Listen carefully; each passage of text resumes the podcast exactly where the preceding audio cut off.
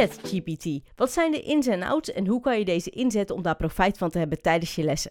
In deze podcast, Tussen Nu met Noordhof, praat ik, Nanda van Heteren, online met vakexperts, ervaringsdeskundigen en collega's uit het onderwijs, zodat jij op de hoogte bent van de laatste ontwikkelingen.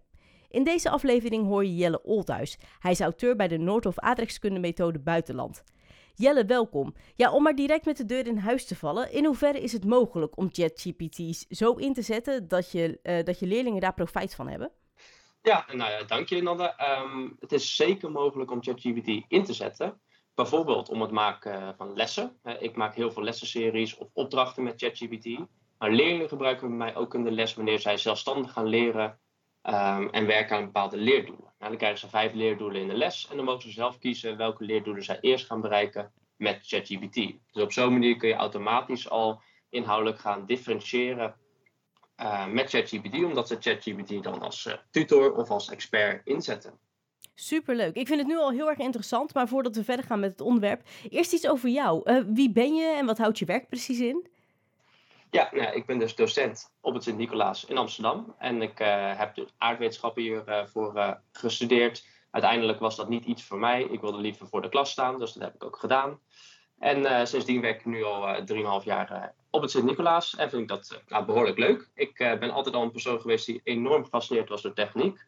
toen vroeger de technologie of internet opkwam in mijn tijd toen heb ik uh, best veel daarmee gedaan. Dus ik heb video's gemaakt, ik ben met Photoshop aan de slag gegaan, al die dingen om uh, iets met techniek te kunnen. Ik vond het fascinerend en uh, dat is altijd zo gebleven. Dus ja, toen ChatGPT uitkwam, toen dacht ik direct eigenlijk de eerste week, was in de kerstvakantie, daar moet ik wat mee, daar kunnen we wat mee. En nou ja, was eerst intern voor de school en daarna dacht ik, daar kan ik ook andere leerlingen en docenten mee gaan helpen. Dus zodoende. Ja, en als persoon was ik als leerling heel rustig. Uh, best wel een nerdje. Ik vond het leuk om te leren. Um, als het interessant was natuurlijk. En uh, ik was altijd bezig met proberen zoveel mogelijk te begrijpen. Dus ik uh, vind het ook heel jammer dat ChatGPT vroeger er niet was. Want dat had mij als leerling enorm veel geholpen. En welke muziek luisterde je toen op de middelbare school? Ik was wat dat betreft wel een beetje een, ja, een Linkin Park fan, Disturbed fan, Skillet fan. Dus een beetje de alternatieve rock metal kant. Uh, luister ik af en toe nog steeds naar om op een gegeven moment uh, groeien uit die muziek. Uh, dus dat een beetje, ja. Superleuk. Maar, maar terugkomen nu op het onderwerp. kan je kort uitleggen wat ChatGPT precies is? Ja, tuurlijk. Dat is een enorm groot taalmodel dat gemaakt is door het bedrijf OpenAI. En dat taalmodel heeft eigenlijk als doel om een menselijk gesprek zo goed mogelijk na te bootsen. En dat lijkt heel simpel, een gesprek voeren. Maar voor heel veel programma's, computerprogramma's, is dat ook heel moeilijk. Dus ze hebben kunstmatige intelligentie ingezet om het programma zo goed mogelijk uh, een gesprek te laten nabootsen en zelf te voeren. En dat is uh, al in 2015 opgericht, dus daar zijn ze jaren mee bezig geweest. En de huidige versie die je gebruikt, dat is de gratis versie 3.5. Dat is dus al hè, de vierde versie eigenlijk. En in 2017 kwam dan de eerste versie, dan 2019, 2020 enzovoort. En ze zijn alleen maar bezig met het model weer uh, verbeteren. Waar kan je die gesprekken dan vooral bij toepassen? Uh, je kunt er eigenlijk alles mee. Je kunt het zien alsof je met een mens aan het praten bent. En je kunt het dus uh, gebruiken als bijvoorbeeld sparringspartner. Hey, je wilt dingen weten of je weet niet precies hoe je iets moet aanpakken en dan kun je advies vragen. Je kunt het als expert inzetten. Je kunt het uh, als hulpje inzetten om bepaalde taken automatisch te laten uitvoeren eigenlijk van alles. Zie het als een soort uh, co-piloot die bij jou in het vliegtuig zit. En die ondersteunt jou in wat jij doet, in het vliegen van een vliegtuig. Of in dit geval het lesgeven. Um, maar kan het vliegtuig niet volledig zelf besturen. Dus hij ondersteunt heel veel, maar kan niet heel veel uit zichzelf. Zo moeten we het misschien zien. Maar dat betekent dus ook dat je dit in je lessen kan inzetten als in uh, ja, die jou helpt als onderwijsassistent. Uh, en, en jij de regie houdt, begrijp ik. Ja, Zoals leerlingen hebben vorig jaar mij een buurtonderzoek gedaan voor het vak aardrijkskunde in de bovenbouw. En daarbij moesten ze voor het eerst een uh, wetenschappelijke enquête opstellen. En een enquête opstellen was voor leerlingen best wel moeilijk, want hoe maak je iets objectief betrouwbaar? Dus uh, ze hebben allemaal een enquête opgesteld en vervolgens feedback gevraagd aan ChatGPT, die ze daarbij keurig kan helpen. Dus zij waren degene met regie in handen in dit geval. En ChatGPT heeft ze ondersteund in het verbeteren van die enquête. Superleuk. En, en welke andere toepassingen behalve vragen voor feedback zijn nog meer interessant van ChatGPT? Ik gebruik het zelf uh, heel veel voor het, uh, het maken van uh, lessen of lessenseries. waarbij je dan wel heel veel moet invoeren in ChatGPT. Je moet behoorlijke stukken schrijven om ook het juiste eruit te krijgen. Maar het neemt gewoon heel veel van dat standaard werk dat je eigenlijk wel moet doen als docent, kan het voor je wegnemen. Dus wanneer ik een les wil maken over bijvoorbeeld de opstand van Lenin in Rusland als, aan het einde van het Zarenrijk dan kan ik daar een leuke lesvorm bedenken met ChatGPT. Als je de juiste informatie invoert. En die werkt hij dan helemaal uit voor leerlingen, inclusief een werkblad met antwoordenmodel en instructies voor begin, midden en einde van de les. Dus dat scheelt gewoon heel veel uittyptijd. Het zit dan waarschijnlijk wel in je hoofd, maar dat wordt dan gewoon snel voor jou uitgetypt door ChatGPT. Als, als ik je zo hoor, dan, dan klinken er alleen maar voordelen aan ChatGPT. Maar zijn er ook nog beperkingen? Ja, um, omdat het taalkundig zo sterk is en zo perfect Nederlands spreekt ook, lijkt het voor leerlingen ook heel erg overtuigend. Want het maakt geen taalkundige fouten, dus dan zal het inhoudelijk ook wel juist zijn. dat, dat is iets wat leerlingen heel veel denken. En dat is ook vaak wel zo, maar niet altijd. Ik denk dat de nieuwste versie, de premium versie uh, GPT-4, dat die uh, 99% van de gevallen wel juiste informatie verstrekt. Maar leerlingen die staan niet boven de stof. Dus die hebben niet door wanneer het juiste of onjuiste informatie verstrekt. En voor nu is dat nog wel een probleem. Dat wordt wel aangepakt, maar ze, ze hebben nog niet de 100% accuraatheid die een model eigenlijk wel moet hebben. Ik denk dat dat het grootste probleem is. Is dat, is dat tevens ook de enige uitdaging in dit vakgebied? Die, uh, wat jij verwacht voor de toekomst? Voor het onderwijs is dat een van de grotere uitdagingen. Want uh, iets als privacy bijvoorbeeld, dat jouw data, alles wat je invoert, gebruikt wordt om het model beter te maken, is voor het onderwijs wat minder relevant. Omdat wij niet ja, bijvoorbeeld uh, in, uitvindingen delen of zulke gevoelige data delen die echt niet door anderen gezien mogen worden. Maar dat is voor bedrijven wel een heel groot probleem, maar voor onderwijs valt dat mee. Um, en ik denk dat dat de grootste uitdaging is, dat je dus ervan uit moet kunnen gaan dat het programma niet altijd juist is. Dat is de ethische afweging die wij moeten maken. Want als jij weet dat het niet altijd juist is, dan mag je dus ook niet 100% op vertrouwen. Zoals bijvoorbeeld de Belastingdienst bij de toeslagenaffaire wel 100% op het algoritme vertrouwde, zouden we dat niet mogen bij ChatGPT. Omdat de taalkunde zo sterk is en zo vaak wel juist is, gaan mensen er wel heel snel vertrouwen. Nu, nu zit ik meteen te denken, wat jij zei over privacy, uh, snap ik. We delen natuurlijk hele andere informatie dan organisaties dat doen. Uh, maar ik kan me zo voorstellen, de, de doelgroep van onze leerlingen, zeg maar 12 tot 18 jaar, dat zijn natuurlijk ook de mensen op wie veel organisaties zich richten om, om veel uh, verkoop te stimuleren en dergelijke. Dus die hebben die informatie misschien juist wel nodig waar ze naartoe gaan. Niet, niet voor informatie per se misschien voor school, maar eh, snap je, ze, ze zijn natuurlijk wel geïnteresseerd in hun, hun koopgedrag en hun interesses en, en, dat soort dingen. Of denk ik nu te veel na? Mm, in theorie kun, kan al die data gebruikt worden. Als leerlingen inderdaad bijvoorbeeld gaan vragen waar ze heen moeten op vakantie of welke producten ze moeten kopen, dan kan die data allemaal gebruikt worden. Maar ChatGPT is er niet op ingericht om bijvoorbeeld een profiel uh, van een persoon te maken, zoals dat bij Instagram of bij TikTok wel is. Uh, om dan bepaalde advertenties te tonen aan die persoon. Want alle data die jij gebruikt, zou in theorie kunnen worden uh, bekeken door mensen die ChatGPT beter maken, door de ontwikkelaars. Maar er wordt niet per se een heel profiel aan jou opgehangen om dan vervolgens de juiste advertenties te tonen. Dus ik denk dat dat minder, um, een, minder belangrijk is dan bij social media zoals Instagram, TikTok en uh, bijvoorbeeld Snapchat. Ja, precies, bij, andere media inderdaad. Ja. Welke ethische overwegingen zijn er dan die docenten in gedachten moeten houden bij het gebruik van ChatGPT in de klas? Vooral hoe afhankelijk je ervan mag worden. Wil je wel dat alle informatie die ChatGPT geeft als 100% betrouwbaar wordt geacht? Want als je dat wel doet, dan kan je dus in een situatie komen zoals bij de toeslagenaffaire, bij de Belastingdienst. Omdat je dan niet meer de systemen gaat checken.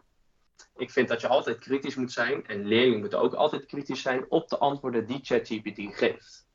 Maar voor ons als docent is dat heel makkelijk, want wij staan boven de stof. Wij zien wat het uh, programma als antwoord geeft en we kunnen direct inschatting maken of het wel of niet genuanceerd is of wel of niet juist is. Maar voor leerlingen is dat zoveel moeilijk omdat ze niet boven de stof staan. Die nemen het wel aan. Uh, dus dat is de belangrijkste ethische overweging. En ik denk dat je in je lessen daar ook aandacht aan zou moeten besteden. En, en hoe kan je dan dat het beste doen, behalve ze meegeven je moet alert zijn en je moet verifiëren? Ja, ja dat is dus best een moeilijke. Uh, zeker omdat iedereen een uh, persoonlijk leerpad bewandelt wanneer ze ChatGPT gebruiken. Want elk antwoord dat ChatGPT geeft is anders bij elke leerling.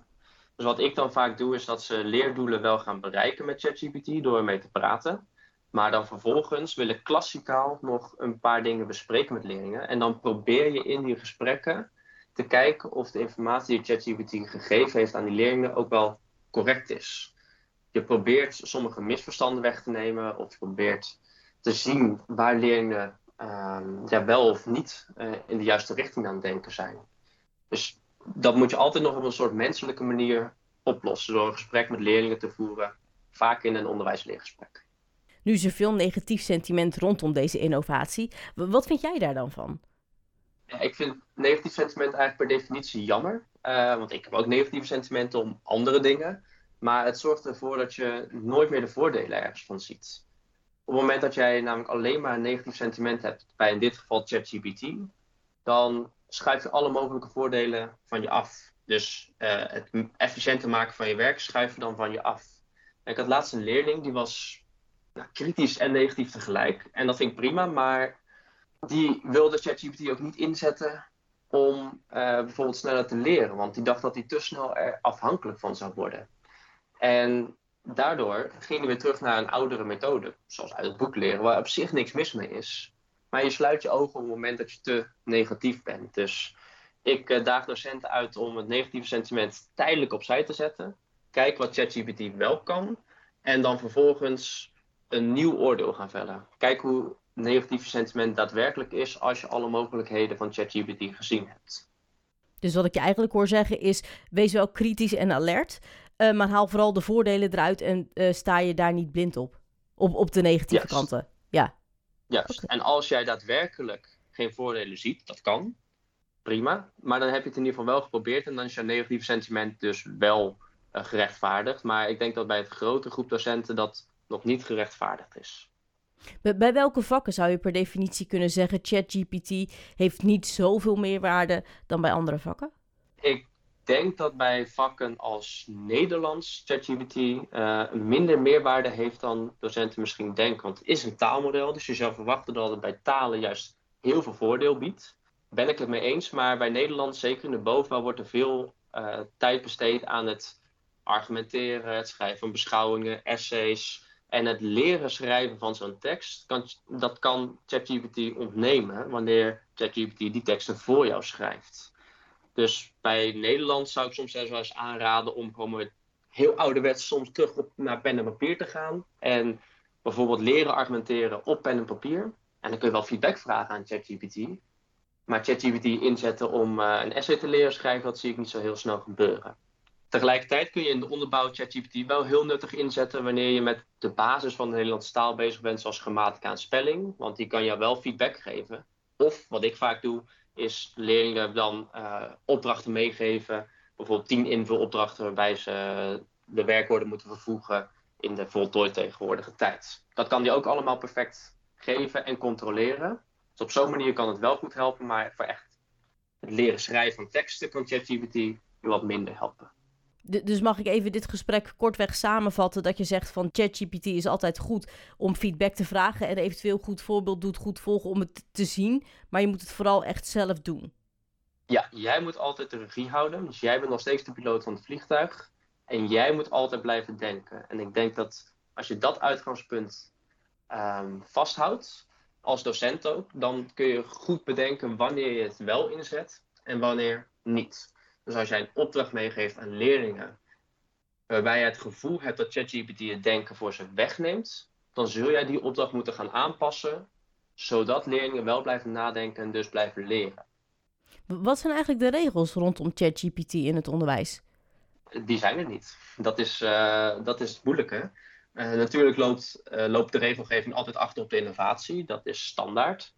Maar voor nu zijn die regels er nog niet. En ook op de universiteit of HBO hebben ze de regels ja, een soort van ingebed in de, de oer. Maar het enige wat erover staat is dat je het niet mag gebruiken als wetenschappelijke bron. En dat je het dus ook niet in je papers of in je scripties mag verwerken. Maar voor het uh, VO is dat minder goed afgebakend. Maar ik denk wel dat je die kant op zou moeten gaan. Dus dat je ChatGPT wel als uh, leermiddel kunt gebruiken. Maar zodra je echt wat wetenschappelijks gaat neerzetten, dat je dan toch moet gaan berusten op de papers uh, op, wetenschappelijk, in wetenschappelijke artikelen. Je bent trouwens behalve docent aardrijkskunde ook auteur bij de Noordhof-methode Buitenland van aardrijkskunde. In hoeverre maak je bij het schrijven van die opdrachten wel eens gebruik van ChatGPT? Ja, ik uh, heb de toetsen gemaakt voor de nieuwste editie, voor de vijfde editie. En um, het moeilijke was dat ik, toen ik de toetsen ging maken in maart, uh, niet de teksten van het boek zomaar in ChatGPT kon plakken. Want dat zijn uh, auteursgerechtigde teksten, dus die mag je niet zomaar delen. Dus ik heb geen vragen kunnen bedenken met ChatGPT, omdat de tekst niet in ChatGPT geplakt mocht worden. Maar je hebt wel vaak dat je bij, zeker in de onderbouw, ehm, bijvoorbeeld een, een, tekstje hebt waarbij leerlingen dan begrip moeten invullen. Of waarbij leerlingen dan aan de hand van de tekst een bepaald begrip moeten bedenken. En dat heb ik wel laten doen door ChatGPT. Die moest dan een voorbeeldtekstje gaan schrijven over een bepaald begrip, zonder begrip te noemen, op het taalniveau van die desbetreffende leerling. Dus soms wel, maar niet heel veel, omdat dat dus ja, uh, auteursrechtelijk niet mogelijk was. Maar, maar dat is dan niet een probleem wat, wat jij alleen hebt bij Noordhof, maar dat geldt natuurlijk voor heel veel organisaties. Denk je dat daar voor ChatGPT zelf nog uh, mogelijkheden liggen? Ja, uh, want ChatGPT of OpenAI, bedrijf erachter, heeft vorige week, twee weken geleden, hebben ze een bepaald, bepaalde bedrijfsabonnement hebben ze laten hebben ze uitgebracht waarin bedrijven dus het gebruik kunnen maken van het model, zonder dat de data die het bedrijf invoert gebruikt wordt voor training van het model zelf. Dus een soort afgeschermde versie van het model. Dus als je bedrijf groot genoeg is, kun je daar gebruik van maken om te zorgen dat je data wel veilig binnen jouw bedrijf blijft. Wat handig. Ja, zo. Ja innovatie hoor ik je al eerder zeggen. En zo gaat dat uh, in ieder geval alleen maar door. Positief, ja. En, en, welke stappen kunnen dan ouders, docenten en beleidsmakers nemen om er echt voor te zorgen dat ChatGPT goed wordt ingezet en niet wordt misbruikt? Voor docenten betekent het automatisch dat je bij elke opdracht die je uh, meegeeft aan leerlingen, die ze thuis moeten maken, goed moet nadenken wat ChatGPT wel kan en wat het niet kan. En zodra ChatGPT het denken wegneemt, zul jij de opdracht moeten aanpassen dat is best moeilijk, want je weet ook niet precies wat ChatGPT wel en niet kan. Dat zul je moeten leren door het te gebruiken. Maar wat je bijvoorbeeld uh, in ieder geval kunt doen, is uh, afbeeldingen laten maken door leerlingen of tekeningen of overzichten. Iets visueels wat ChatGPT niet kan genereren. Um, en voor leerlingen geldt andersom, dat zij moeten begrijpen wat verantwoord gebruik betekent. En ik heb gemerkt in mijn workshops die ik geef aan leerlingen dat ze dat redelijk snel doorhebben. Dat wanneer ze nu bepaalde vaardigheden niet leren, door ChatGPT verkeerd te gebruiken, dat ze ergens over twee, drie jaar die vaardigheden moeten inzetten, maar die niet hebben en dus ergens onderuit gaan. Zeker de bovenbouwleerlingen snappen dat redelijk goed. Dus leerlingen hebben onderwijs nodig en docenten moeten goed naar hun opdrachten gaan kijken. En bij ouders zou je nog kunnen zeggen dat zij een toeziend oog moeten hebben op de leerlingen uh, dat ze ja, ervoor zorgen dat leerlingen toch ChatGPT goed inzetten door af en toe eens even mee te kijken wat ze nou precies invoeren. En of ze nou alleen naar antwoorden vragen of bijvoorbeeld om uitleg vragen. Om gewoon het gesprek aangaan over dat verantwoorde gebruik. Net zoals docenten dat bij leerlingen gedaan hebben. Ja, dus echt de verwerking moet bij de leerlingen zelf blijven. Ja, zij moeten inderdaad zij moeten blijven nadenken. Zij moeten ook inzien dat dat verantwoord gebruik echt nodig is. Anders komen ze ja, nergens uh, met een onderwijs. Deze podcast die begon met de vraag wat de ins en outs zijn van ChatGPT en hoe je deze kan inzetten om daar tijdens je lessen profijt van te hebben. Deze vraag is natuurlijk wel al eh, deels beantwoord, nog niet helemaal. Uh, hoe doe je dat? Um, nou, als je hem echt goed wil inzetten, ChatGPT, moet je heel uitgebreide invoeropdrachten invoeren. Heel veel docenten of mensen in het algemeen die voeren dan één zinnetje in en die verwachten dan een complete les of een complete opdracht van ChatGPT. En zijn vervolgens deels verbaasd wanneer de opdracht van ChatGPT niet zo inspirerend of uitgebreid is. Uh, ik zal bijvoorbeeld een uh, voorbeeld voorlezen van een opdracht die je kunt meegeven om uh, een bepaalde les te ontwerpen. En dan zie je dus hoe uitgebreid die opdracht moet zijn om überhaupt het juiste uit uh, ChatGPT te halen. Dus stel je voor, je wilt leerlingen uh, iets laten leren, dan kun je bijvoorbeeld het volgende invoeren. Ik wil mijn leerlingen van puntje, puntje niveau het volgende leerdoel laten bereiken voor het vak puntje, puntje, puntje. Nou, dan voer je het leerdoel in en dan ga je vervolgens een aantal eisen meegeven aan ChatGPT. Dus dan zeg je, kun je het volgende voor mij doen? Maak bijvoorbeeld vijf creatieve lesontwerpen waarin dit leerdoel bereikt wordt. Geef van elk lesontwerp in maximaal vijf zinnen aan hoe de les eruit ziet en hoe de leerlingen het leerdoel bereiken. Zorg dat de les maximaal 50 minuten duurt. Zorg dat leerlingen wel toegang hebben tot een mobiele telefoon of geen toegang hebben. Zorg ervoor dat leerlingen met elkaar kunnen samenwerken. Dat het eindproduct bijvoorbeeld een uh, opdracht van 100 woorden is. En dat ze mogen gebruik maken van bepaalde bronnen. Hoe meer je meegeeft aan ChatGPT, hoe meer hij kan gaan gebruiken om die opdracht te gaan maken. En ik heb in dit voorbeeld vijf creatieve lessen laten ontwerpen. Want kun je zelf daarna, als ChatGPT antwoord geeft, één van die vijf lessen kiezen en die verder laten uitwerken. En als je op zo'n manier een les laat ontwerpen, dan kun je er heel veel mee. Maar je bent dus wel al een minuut of vijf tot tien bezig met het maken van een soort raamwerk voor jouw les. Dit klinkt echt als een perfecte afvinklijst en een format over hoe je ja, je les moet invullen in ChatGPT om er echt iets uit te krijgen. Uh, die lijst kunnen wij ook uh, uh, krijgen, begrijp ik? Of kan, kan je ook gebruiken, begrijp ik, als docent? Ja, zeker. Die wordt hier in de podcastnotes bijgezet. En je zult ook wel zien als je er wat meer mee leert werken, dat je op een gegeven moment dat standaardlijstje ook niet meer nodig hebt. Dat je het gevoel hebt van nou, dit moet er wel in en dat moet er niet in. En dat je zelf aan de hand van jouw voorkeuren dus dat lijstje wel of niet helemaal kunt afwerken. Maar in principe bestaat een uh, opdracht in ChatGPT altijd uit een aantal onderdelen die je herkent in dat lijstje. Uh, bijvoorbeeld, je beschrijft eerst altijd het doel en daarna beschrijf je het niveau van ChatGPT. En dan bijvoorbeeld uh, hoe lang zijn antwoorden moeten zijn, of nog andere randvoorwaarden zijn. Of wat hij überhaupt moet schrijven, want heel veel mensen gebruiken het voor een tekst. Maar het kan ook tabellen maken of lijstjes maken of al dat soort dingen. Dus uh, als je een aantal onderdelen altijd in de opdracht verwerkt, dan krijg je uiteindelijk alles eruit wat je wilt. Zo fijn dat, dat daar ook gewoon bepaalde kaders voor zijn. En dat je, als je daar maar lang genoeg mee werkt, het ook gewoon zelf kan. Heel fijn, ja. Heb je, heb je dan nog drie concrete tips die docenten morgen al kunnen inzetten om ChatGPT effectief te kunnen integreren in hun lessen? Ja, ik wil graag drie voorbeelden noemen uh, om ChatGPT anders in te zetten, behalve een lesontwerp of feedback te geven.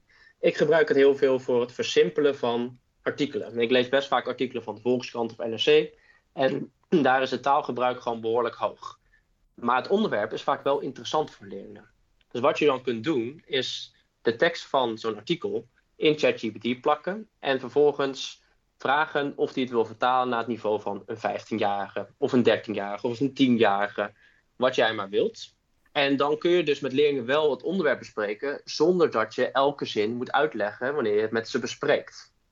Tegelijkertijd weet ik ook dat docenten nu thuis denken van ja, maar juist een moeilijk artikel laten lezen door leerlingen zorgt ervoor dat hun taalniveau omhoog gaat. Dat klopt.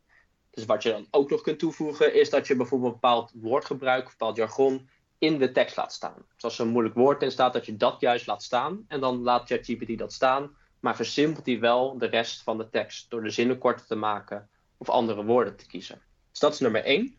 Nummer twee, waar ChatGPT heel nuttig voor kunt inzetten, is voor het um, maken van bijvoorbeeld een beoordelingsschema. Als jij maar de criteria meegeeft waarop je leerlingen wil beoordelen, dan kan het heel goed inschatten wat nou precies in dat beoordelingsschema moet staan. Want vaak is het wel redelijk uniform wat je in een beoordelingsschema neerzet. Dus een deel gaat over de vorm, over de inhoud, over bijvoorbeeld de deadlines behaald, ja of nee. En dan kan er een mooi tabelletje van maken en dat scheelt jou heel veel werk.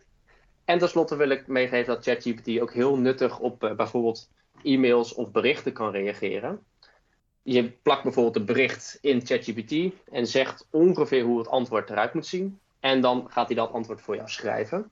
Het enige wat daarbij nog bij uh, vermeld moet worden is dat nooit natuurlijk privacygevoelige informatie in ChatGPT stopt. Dus als jij bijvoorbeeld een mail hebt met de naam van een leerling, dan haal je de naam van die leerling even weg. Maar het helpt mij, zeker op vrijdagmiddag, wanneer ik een mailtje moet beantwoorden en eigenlijk veel te moe ben om na te denken, dat ik dat even door ChatGPT laat doen. Want ik weet wel wat ik wil zeggen, maar niet, ja, ik ben gewoon te moe om dan een zin te maken. Zijn er bepaalde beperkingen of valkuilen die docenten moeten vermijden in het implementeren van ChatGPT in het onderwijs zelf? Je had het net over die mail, maar ik bedoel in je lessen.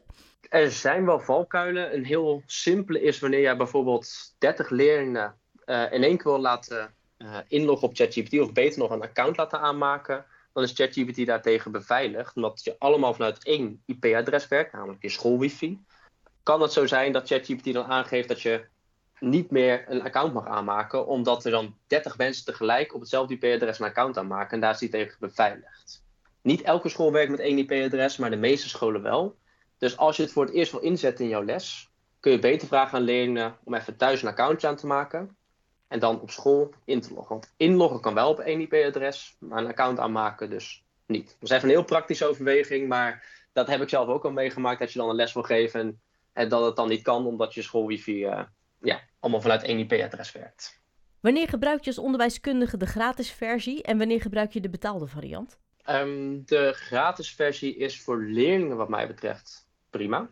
Uh, de betaalde versie biedt twee grote voordelen eerste voordeel is dat het antwoorden niet per se uitgebreider opschrijft, maar beter opschrijft. Als jij twee keer de vraag zou stellen, bijvoorbeeld uh, leg in 100 woorden uit wat de deltawerken zijn, zal de gratis versie ook wel iets schrijven over die deltawerken. Maar de betaalde versie pakt net iets meer de kern van het onderwerp. Die weet net iets beter welke woorden die wel moet gebruiken en welke woorden die niet moet gebruiken. En het tweede grote voordeel van de betaalde versie is dat je plugins kunt gebruiken. Dus een plugin is een extra laag bovenop ChatGPT. Bijvoorbeeld om het te koppelen aan een wiskundeprogramma. Waardoor ChatGPT dan opeens wiskunde kan. Of door te koppelen aan een programma dat pdf'jes kan doorlezen. Zodat jij wetenschappelijke papers kunt uploaden in ChatGPT en die kunt laten analyseren door ChatGPT. Of je kunt uh, ChatGPT verbinden met live internet. Want de gratis versie is niet verbonden met live internet. Die is geüpdate tot en met september 2021.